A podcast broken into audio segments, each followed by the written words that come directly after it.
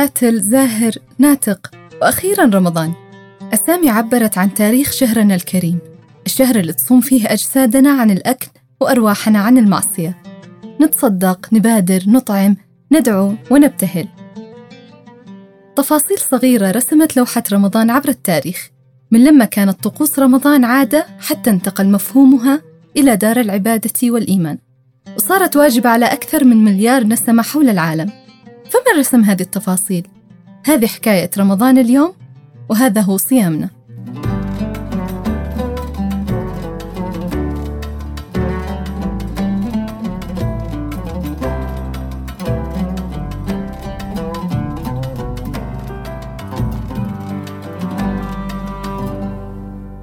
كان يا مكان قبل مئة سنة من ظهور الإسلام. كان في رجال تقي له مكانته بين الناس. وكان لما يجي شهر معين من شهور السنة القمرية يذهب إلى غار حراء فيتعبد ثم يعود فيتصدق ويطعم الفقراء.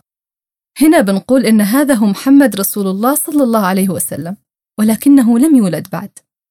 بل كان جده عبد المطلب الذي رباه فأحسن تربيته هو من بدأ هذه العادة ونقلها إليه. وبعد أن أصبح محمد حفيد عبد المطلب خاتم الأنبياء ورسول الإسلام نالت هذه العادة القدر الكبير من التعظيم والتقديس ولكن الغار استبدل بالمسجد والعادة بالعبادة وتكون الركن الرابع من أركان الإسلام. رمضان وطلع على الدنيا.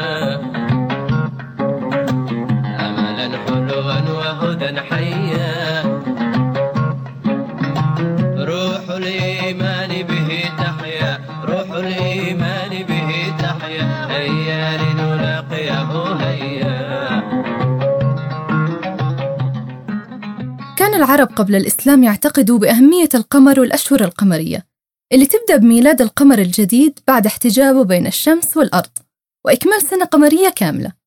وبالرغم من اعتمادهم على التقويم القمري منذ القدم إلا أن أغلب أسماء الشهور القمرية ما كان لها معاني عربية واضحة.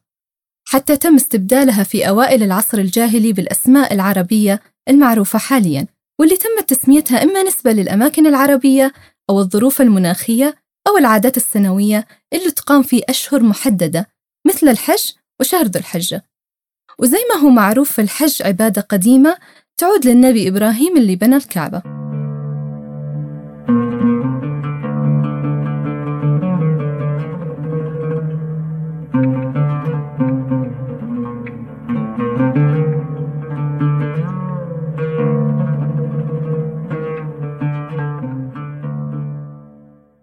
السؤال اللي يطرح نفسه.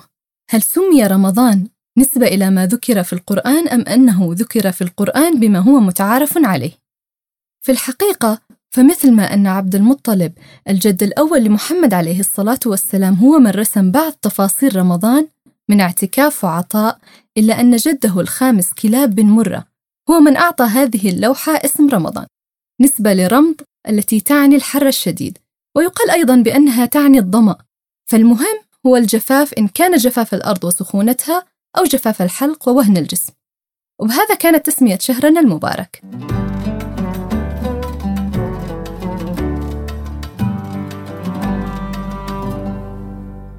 لكن هل كان رمضان شهرنا المبارك خاص بنا فقط أم أن هناك ديانة سماوية ثانية عرفته بنفس الشكل المتعارف عليه بين المسلمين؟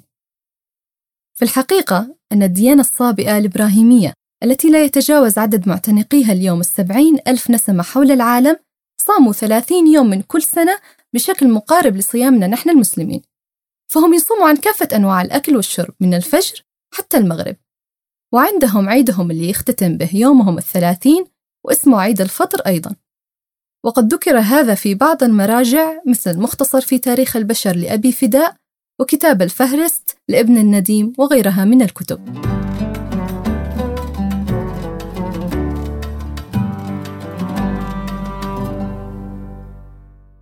الصيام عادة وعبادة وجدت منذ آلاف السنين. تحديدا عندما ظهرت الزراعة وتنوعت مصادر الغذاء وأمنت البشرية على نفسها من الانقراض. وقررت إنها تتخلى عن الطعام بإرادتها. فمن الشعوب من يصوم عن أنواع معينة من الأكل أو عن كافته من أجل الزهد والتطهر. ومنهم من يصوم من أجل نذر أو تكفير عن خطيئة أو كطقس للشعور بمعاناة الموتى كون أنهم لا يأكلون ولا يشربون. أما في الإسلام فقد كتب الصيام عليكم كما كتب على الذين من قبلكم فهو تطهير للنفس وتقرب إلى الله واستشعار لمعاناة الفقراء والمحتاجين وزيادة في الأجر والثواب.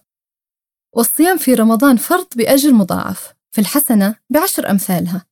ولهذا هو شهر العبادة. ولا يقتصر على الصيام فقط وإنما على الصيام والصلاة التلاوة والزكاة لتجميع أكبر قدر من حسنات رمضان المباركة.